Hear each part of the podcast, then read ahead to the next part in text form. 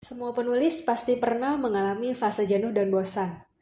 Mereka berhenti dan tidak lagi menulis untuk waktu yang lama maupun sebentar. Banyak faktor yang jadi penyebab mengapa penulis menghentikan aktivitas menulisnya. Bisa jadi karena kurangnya inspirasi maupun motivasi. Selamat datang di GWRF Podcast. Di episode kali ini kami mengundang Alnira, seorang penulis yang telah menerbitkan 21 buku. Beberapa di antaranya pun masuk ke dalam jajaran rak bestseller.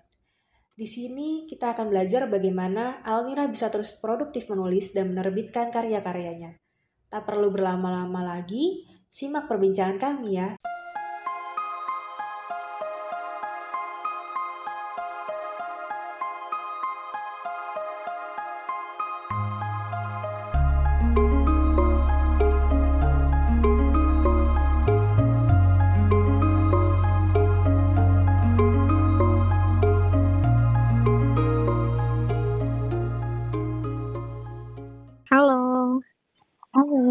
Siang. siang. Kak Almira ya? Aku Alsia, Kak. Heeh. Gimana kabar Kak Almira sekarang, Kak? Sehat, alhamdulillah. Selama pandemi Hmm. ini eh, kegiatan Kakak apa aja? Kerja iya, nulis juga iya, ngurus rumah iya. Eh, gini Kakak kan Heeh. Penulis di aplikasi Wattpad juga ya, Kak. Nah, Iya. di situ sudah ada terdaftar 21 buku karya Kakak yang sudah dicetak. Nah, apakah masih ada the next-nya Oh. gitu? Tentu, tentu saja akan nambah. Pasti keinginan buat nul eh, nerbitin buku tuh eh, selalu ada. Jadi mu- mudah-mudahan dalam waktu dekat akan ada buku-buku lain yang cetak gitu. Oke, berarti sekarang lagi proses nulis buku ya, Kak? Eh edit, ngedit sih. Eh, nulis juga ada, tapi sekarang sih fokusnya lagi ngedit. Ngedit eh, untuk novel terbaru yang mungkin akan terbit di awal 2021. Apa yang Kakak suka dari dunia baca dan tulis? Kalau dunia baca dan tulis menurut aku itu ruang imajinasi ya. Jadi kayak em, rehat sebentar gitu dari dunia nyata yang ngurusin kerjaan segala macam. Jadi buat aku Mhm. eh, baca sama nulis tuh ruang imajinasi di mana aku bisa ya kalau aku baca itu aku bisa berimajinasi dengan eh, apa yang aku baca dan yang aku Iya, betul. kalau aku mm-mm, dan kalau misalnya aku tulis ya aku berimajinasi ngajak pembaca-pembaca lain untuk masuk dalam imajinasi aku gitu loh gimana kita rehat sebentar dari dunia nyata dan Hmm. sama-sama yuk kita berimajinasi bareng nih gitu sama pembaca-pembaca gitu Nah, awalnya Mm-mm. kakak mulai menulis di dunia kepenulisan itu kapan kak? Terus bagaimana awalnya bisa masuk ke dunia pen- eh, tulis menulis ini? Jadi eh, aku tuh dari kecil memang suka didongengin gitu kan eh, Mhm. sama kakak-kakak aku. Jadi dari kecil emang jadi hobi hobi baca gitu. Suka banget sama buku. Terus orang tua juga support kan eh, ngasih buku. Jadi dari mainan-mainan yang lain kayak main boneka atau segala macem eh, orang tua aku nggak ngebeliin itu tapi dibeliinnya buku. Oke. Jadi dari dari kecil itu emang udah udah dicekokin buku lah gitu istilahnya. Iya, iya. Heeh, jadi mulai SD aku baca-baca eh, majalah dulu kan Bobo ya, Mm. ketahuan deh umurnya. jadi eh, dari dari SD itu langganan majalah, terus sampai SMP itu kan eh, udah berani nih mulai-mulai nulis, tapi itu dulu bukan novel, cuma cerpen-cerpen aja gitu. Mm-mm. Terus nyoba masukin ke apa majalah-majalah gitu, tapi nggak nggak nggak berhasil juga gitu kan. Jadi em, SMA sih eh, aku rehat dulu nggak nulis-nulis dulu karena aduh ya udahlah cerpen aja nggak nggak nggak keterima nih gitu. Tapi 2009 eh, waktu aku tamat SMA aku coba lagi buat nulis novel. Nah dari situ aku mencoba untuk serius nih buat novel, tapi nggak nggak apa belum berani untuk ngirim ke redaksi, belum berani ngirim ke penerbit gitu kan. Mm. 2014 aku ketemu sama Wattpad. Nah, Oke. dari Wattpad itu eh, aku coba masukin cerita yang udah aku tulis di tahun 2009. Uh, di sana ternyata seru juga karena ada yang baca ya jadi kayak kita lebih semangat gitu loh uh, mm-hmm. ada komentarnya dari dari para pembaca walaupun cuma kak ayo dong lanjutannya tapi kayak berasa waduh cerita aku ditungguin tunggu-tunggu nih, gitu. iya uh, uh, ditunggu-tunggu akhirnya dari situ um, cerita pertama aku uh, alhamdulillah dapat respons yang bagus uh, awal-awal pembaca itu um, cukup cukup buat aku cukup ya cukup banyak gitu. Jadi akhirnya dari awal itu aku uh, mencoba nulis cerita-cerita yang lain. Sampailah sekarang gitu bisa sampai 21 buku yang terbit. Itu karena semangat dari pembaca juga kan.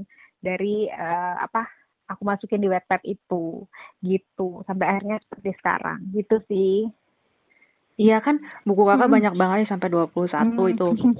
yeah. banyak banget produktivitasnya tuh uh. luar biasa ya. yeah. Nah, itu idenya uh -huh. dari mana, Kak? Uh, idenya tuh macam-macam ya. Uh, apa dari cerita teman atau aku kan kerjanya di frontliner. Nah, okay. Jadi biasa ya di perbankan itu jadi setiap hari itu kan ketemu sama orang-orang yang berbeda. Mm -hmm. Nah, Terus uh, karena di customer service jadi uh, intensitas buat ngobrol sama nasabahnya itu lebih banyak. Nah biasanya nasabah tuh curhat gitu loh. Kalau oh. antrian lagi nggak banyak ya.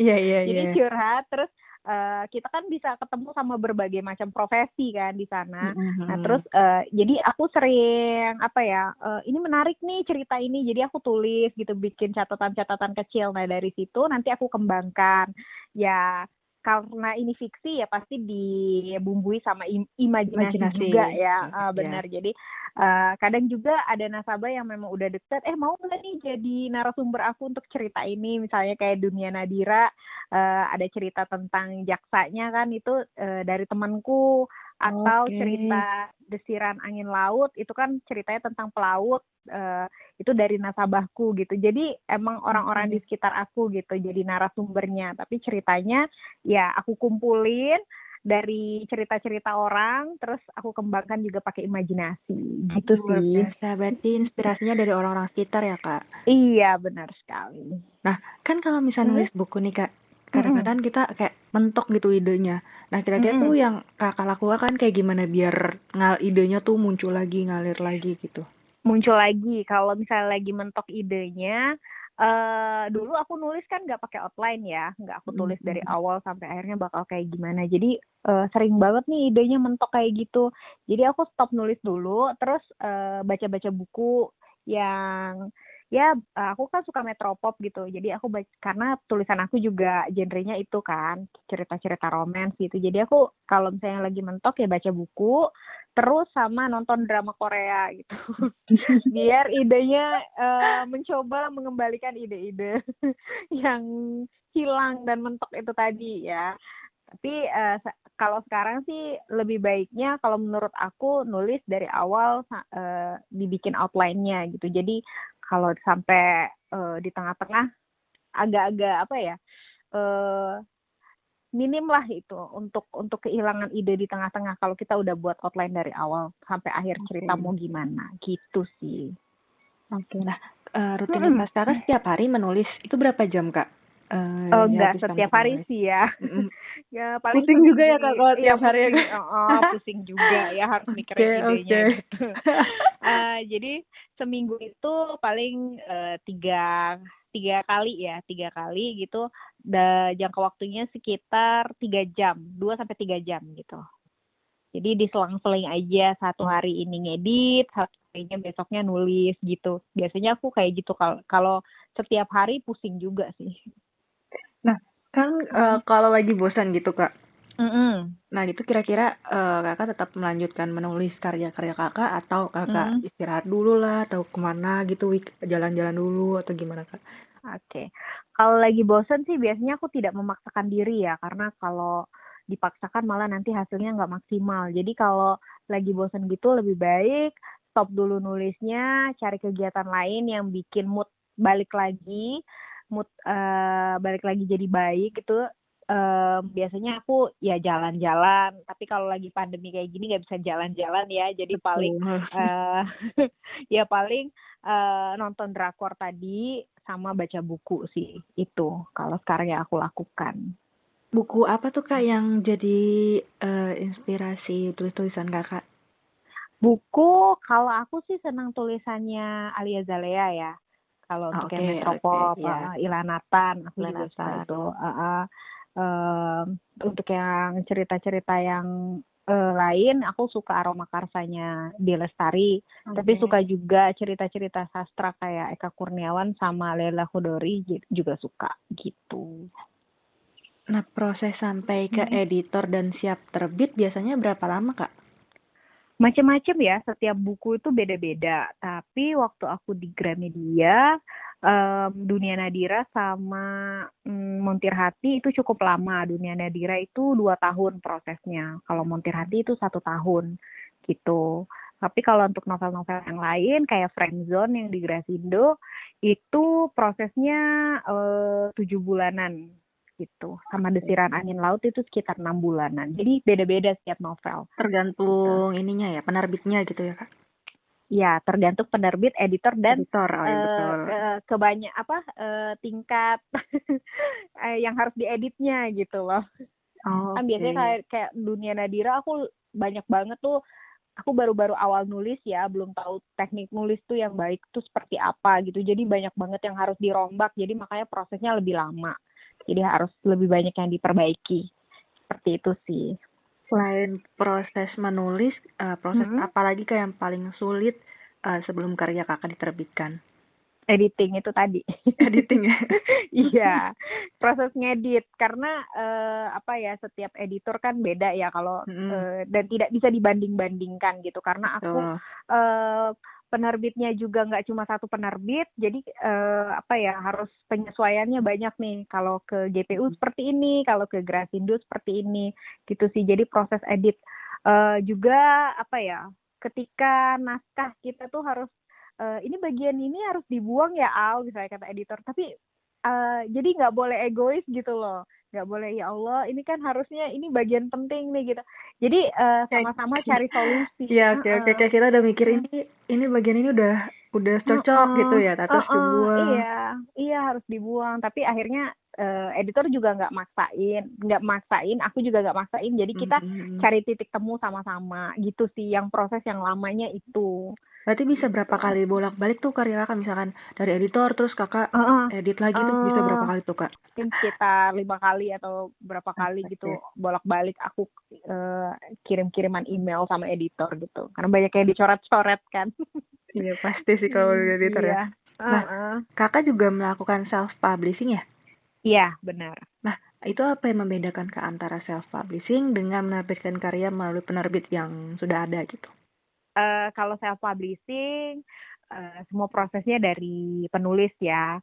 Uh, hmm. maksudnya dari proses promosi segala macamnya gitu kan uh, penulis sendiri gitu terus juga editornya ya uh, pakai editor freelance gitu kan dari luar ya pokoknya kalau self publishing tuh lebih banyak penulis sendiri itu yang ngejalanin semuanya dari proses biasanya pre-order, mm-hmm. uh, proses untuk promosinya, terus juga pengirimannya kalau tidak kerja sama sama online shop gitu kan. Mm-hmm. Jadi uh, lebih tahu aja sih proses untuk menerbitkan buku itu uh, dari awalnya tuh seperti apa kalau di, di self publishing gitu. Semuanya tuh penulis yang atur gitu. Jadi lebih lebih ribet gitu nggak sih kak atau gimana kak? Uh, jujur ya lebih ribet itu karena kan harus semuanya dikerjain sama penulis kan. Hmm. Kalau misalnya di penerbit apa uh, mayor kan kita sedia kita ngirimin naskah lewat email terus uh, pokoknya proses-proses dari pemasaran semuanya kan yang urus dari penerbit gitu. Hmm. Kalau ini ya bener-bener dari awal sampai uh, sampai buku di tangan pembaca itu yang ngelakuin ya penulis gitu. Tapi gitu jadi sih. banyak belajar sih kak dari self publishing iya, itu ya. Iya benar, lebih banyak belajar. Nah, uh, respon pembaca terhadap karya kakak uh, apa hmm. sih gitu? Karya kakak seperti apa di mata mereka? Terus daya tarik karya kakak apa aja di mata pembaca kak? Uh, kalau dari komentar-komentar dari pembacaku sih katanya ceritaku tuh relatable sama uh, kehidupan sehari-hari ya gitu. Mm-hmm. Karena ceritanya tentang friendzone. Mungkin pembaca aku tuh uh, banyak ya dengan di friendzone gitu ya. Atau cerita okay. uh, uh, uh, dan cerita tentang di PHP-in gitu kan. Ada cerita juga tentang PHP. Cerita ya, remaja banget ya benar-benar iya, iya. kisah nyata. uh, uh, gitu atau cinta beda agama gitu kan kan terus uh, eh, LDRan pokoknya ceritanya tuh uh, katanya relatable sama kehidupan sehari-hari. Juga aku um, biasanya ngangkat budaya-budaya yang ada. Karena aku kan dari Palembang kan. Okay. jadi novel-novel aku tuh biasanya ya aku selipin nih budaya dan adat dari Palembang tuh seperti apa. Jadi mengenalkan juga budaya kepada uh, teman-teman pembaca. Hmm. seperti itu sih. Mungkin daya tariknya ya yang uh, tokoh cowoknya mungkin ya. Tokoh tokoh pria dalam cerita tuh biasanya aku gambarin tuh yang uh, apa good boy gitu loh. Nggak bukan bukan bad boy ya. Beda ya, gitu ya. biasanya bad boy gitu ya. Ya biasanya bad boy. Tapi uh, karena aku nggak suka aduh bad boy apaan sih? Jadi aku lebih lebih menonjolkan ya yang good boy aja lah. Gitu. Kira-kira dari karya gitu. kakak ada yang dari pengalaman pribadi kakak nggak Pengalaman pribadi, hmm. mungkin ada beberapa ya dari pengalaman pribadi, tapi nggak semuanya gitu. Mungkin okay. ada yang pernah aku alami, um, yang jelas bukan friendzone dan di PHP ini tuh bukan ya. gitu sih, ya nggak semuanya lah gitu. Oke. Okay. Hmm. Nah, kakak kan nulis hmm? uh, di website yang judulnya gara-gara corona. Iya, iya. Itu nanti akan dibukukan nggak, kak?